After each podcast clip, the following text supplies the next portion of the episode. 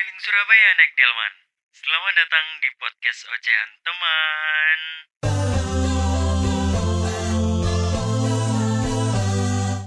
Surat cintaku yang pertama membikin hatiku berlomba asik.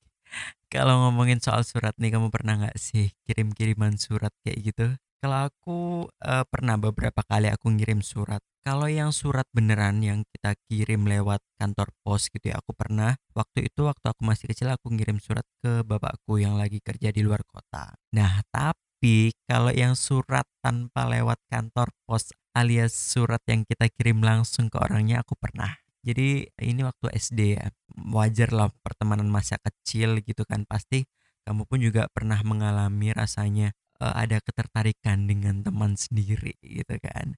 Dan itu pun juga yang aku rasain. Uh, waktu itu kalau inget-inget lagi tuh kayak lucu aja sih kayak nggak percaya gitu loh. Waktu kecil itu bisa kayak tertarik dengan seseorang gitu. Pada waktu itu aku masih inget itu aku masih kecil banget kelas 2 SD lebih tepatnya. Gila kelas 2 SD aku udah senang dengan seseorang itu. Agak parah gak sih jadi namanya anak kecil gitu kan ketika kita senang atau tertarik dengan seseorang itu pasti ada rasa malu-malu ada nggak berani buat ngungkapin, buat menunjukkan ke dia bahwa kita suka sama dia. Karena kenapa sih? Ada banyak faktor. Salah satunya adalah faktor temen gitu kan. Biasanya ketika temen tahu kita suka dengan seseorang pasti ada eci, eci gitu gak sih? Ya kan? Nah itu pun juga yang aku nggak pingin rasain gitu loh. Makanya pada waktu itu karena aku suka dengan seseorang, aku mencoba untuk menunjukkannya tanpa orang itu tahu sosok yang menunjukkan itu siapa. Dalam artian aku nggak pengen diketahui bahwa aku suka sama dia gitu loh. Jadi salah satu hal yang aku lakukan adalah lewat surat alias namanya surat kaleng. Jadi di surat itu tuh nggak tahu nama pengirimnya siapa pokoknya ya itu tujuannya buat dia. Jadi waktu kelas 2 SD itu aku ngirim surat gitu kan aku nulis di kertas terus aku kirim caranya aku masukkan di tasnya dia. Jadi ketika jam istirahat gitu ketika jam istirahat itu di kelasku waktu itu selalu sepi. Jadi teman-teman aku itu semua pada ke kantin gitu atau ke lapangan mainan gitu. Jadi di kelas itu selalu kosong itulah kesempatanku untuk memasukkan surat itu ke tasnya dia. Jadi uh, beberapa kali gitu aku masukkan surat hari pertama hari kedua hari ketiga gitu. Sampai pada akhirnya entah aku lupa hari ke berapa di kelasku itu udah nggak sepi lagi. Guruku nunggu di kelas dia pun juga nunggu di kelas ketika jam istirahat. Jadi nggak bisa aku masukin surat itu lagi ke tasnya dia. Di situ aku mulai curiga, aduh jangan-jangan ketahuan nih, jangan-jangan mulai ada kecurigaan nih, aku mulai diamati nih atau kayak gitu ada ada perasaan kekhawatiran kayak gitu. Tapi ternyata aman, jadi nggak diketahui. Cuma pada akhirnya si temenku ini, uh, cewek yang aku suka ini dia pindah sekolah. Entah mungkin dia merasa diteror atau gimana gitu ya terus dia ketakutan akhirnya dia pindah sekolah gitu terus ya udah nggak pernah komunikasi lagi cuman kita temenan sih di sosial media terakhir tuh dia tanya dia butuh info sesuatu tentang lokasi di Surabaya gitu terus dia nge-DM aku buat tanya tempatnya. Padahal kita lama banget nggak ketemu. Ya begitulah. Lucu nggak sih kalau kita suka dengan teman ah, aku rasa sih kamu pernah juga mengalami ketika suka dengan seseorang yang notabene adalah teman kalian sendiri gitu kan? Ah, aku ada beberapa kali sih pengalaman suka dengan teman sendiri. Cuma kalau waktu kecil waktu SD gitu lebih tepatnya. Um, itu sih salah satu yang aku inget dan kalau kamu juga punya cerita soal suka dengan teman sendiri kamu bisa ceritain kamu bisa tulis aja ceritanya langsung kirim ke email ocehanteman@gmail.com atau bisa juga kirim lewat DM Instagram aku di @asadit a s a d i t. Langsung kirim aja ceritanya. Itu salah satunya ya kalau cerita lainnya nih ada nih itu tadi waktu masih kecil-kecilnya masih kelas 2 SD gitu kan aku suka dengan seseorang kayaknya pertama kalinya deh jangan aku tertarik dengan seorang perempuan gitu kan. Tapi ada lagi nih masih SD juga masih SD juga jadi setelah uh, si temanku ini yang dia pindah keluar kota gitu kan aku mencoba untuk move on aduh move on dulu kayaknya move on belum ada deh istilah itu. Ya pokoknya intinya kayak ya udahlah gitu loh kayak nggak kepikiran juga gitu Terus, eee, pada akhirnya ketika mau lulus kalau nggak salah, aku agak lupa antara kelas 5 atau kelas 6 gitu, mulai ada ketertarikan lagi dengan temenku yang lain.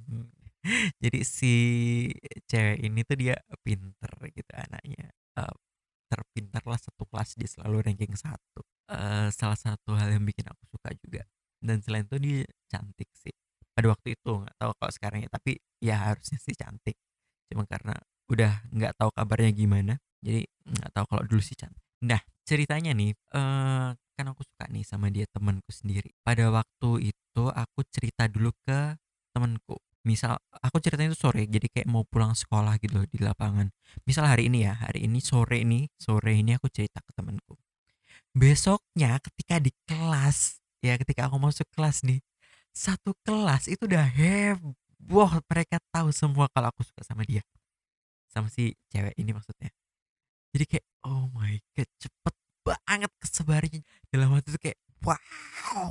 Ini aku curiga nih temenku yang yang nyebar itu jangan dia sekarang jadi agen lambe turah deh. Jadi aku sih kayak gitu karena cepet banget baru sore ini aku cerita. Besoknya udah satu kelas tahu semuanya. Alhasil apa dong? Temenku yang ini dia mulai menjaga jarak dengan aku, social distancing gitulah. Walaupun, eee, memang kita sebenarnya awalnya juga enggak deket-deket banget, tapi setelah dia tahu kalau aku ada ketertarikan dengan dia, dia makin kayak menjauh gitu, jijik kali ya sama aku kayak, "Ih, apaan sih?" Karena memang, eee, ketika kita deket sedikit namanya anak kecil ya, ketika kita deket sedikit tuh pasti ada temen yang lain tuh, "Icie, icie," gitu kan. Ah, itu males banget dan itu yang bikin nggak nyaman sih, mungkin itu salah satunya dia kenapa dia jaga jarak sama aku. Nah, cuman karena aku ya namanya orang suka ya walaupun si ceweknya ini berusaha menjauh, kita sebagai cowok kan gimana caranya tetap dekat gitu kan, tetap merasa dekat, tetap merasa mencoba untuk berjuang lah istilahnya. Padahal yang nggak ada kepikiran dan nggak ada niatan untuk kayak nembak lah, jadian lah, enggak, enggak sama sekali gitu waktu itu karena masih kecil juga. Cuman keinginannya kayak pengen ngobrol lah, pengen bercanda bareng, ketawa-ketawa, cerita-cerita kayak ya pengen gitu aja, pengen sekedar komunikasi. Nah, salah satunya yang aku lakukan adalah modus. Karena dia adalah anak yang paling pintar di kelas, paling paling rajin di kelas. Salah satu modus yang bisa aku lakukan adalah menanyakan tugas. Jadi ha hampir tiap malam gitu aku telepon rumahnya. Nggak tahu dulu waktu SD itu kayak aku punya nomor telepon semua temen SD-ku. Nggak tahu dari mana, yang jelas aku punya aja. Dan nomor teleponnya dia aku punya. Jadi aku teleponin lewat telepon rumah. Yang ngangkat eh, selalu mamanya, karena papanya di luar kota. Jadi yang ngangkat selalu mamanya. Dan aku sempat agak merasa atau nggak sempat denger gitu. Kayaknya si temanku ini males nerima telepon dari aku. Jadi ketika aku coba nih tanya, eee, "Halo, selamat malam, eee, bisa bicara dengan si ini?" Gitu kan, teman aku. Nah, terus mamanya kayaknya manggilin gitu, manggil si temanku ini dan kayaknya temanku ada sempet kayak nolak gitu, sempet kayak kedenger gitu. Nggak tahu dia memang beneran malas sekali ngobrol sama aku. Cuman ya tetap aja akhirnya diterima juga dengan nada yang sangat cuek. Hmm, iya. Nggak, bukan, nggak tahu. Lah akunya yang udah kayak semangat gitu loh. Eee, besok ada tugas apa ya? Matematika ada PR nggak? Eee, agama ada tugas. Oh yang di halaman ini. Jadi sebelum aku telepon itu udah aku siapin gitu loh. Aku mau tanya nih besok ada pelajaran ini nih. Bukunya nih aku bawa udah bukunya aku bawa siapa tahu kan. Walaupun sebenarnya aku tahu besok itu ada tugas atau enggak. Tapi ya pura-pura aja kayak udah aku nyiapin bukunya. Oh, yang ini ya. Oh, halaman sekian. Oh, yang bab 2 ya kayak gitu. Aku udah heboh kayak gitu, tapi jawabannya dia selalu sama. Hmm, iya. Bukan. Nggak tahu. Iya. Hmm, oke. Sekedar kayak gitu loh jawabannya. Ya orang males nih, maksudnya kayak kamu ditelepon sama seorang terus kamu males nerima gitu nadanya kayak gitulah. Persis. Cuman ya namanya cowok ya. Aku tidak berputus asa.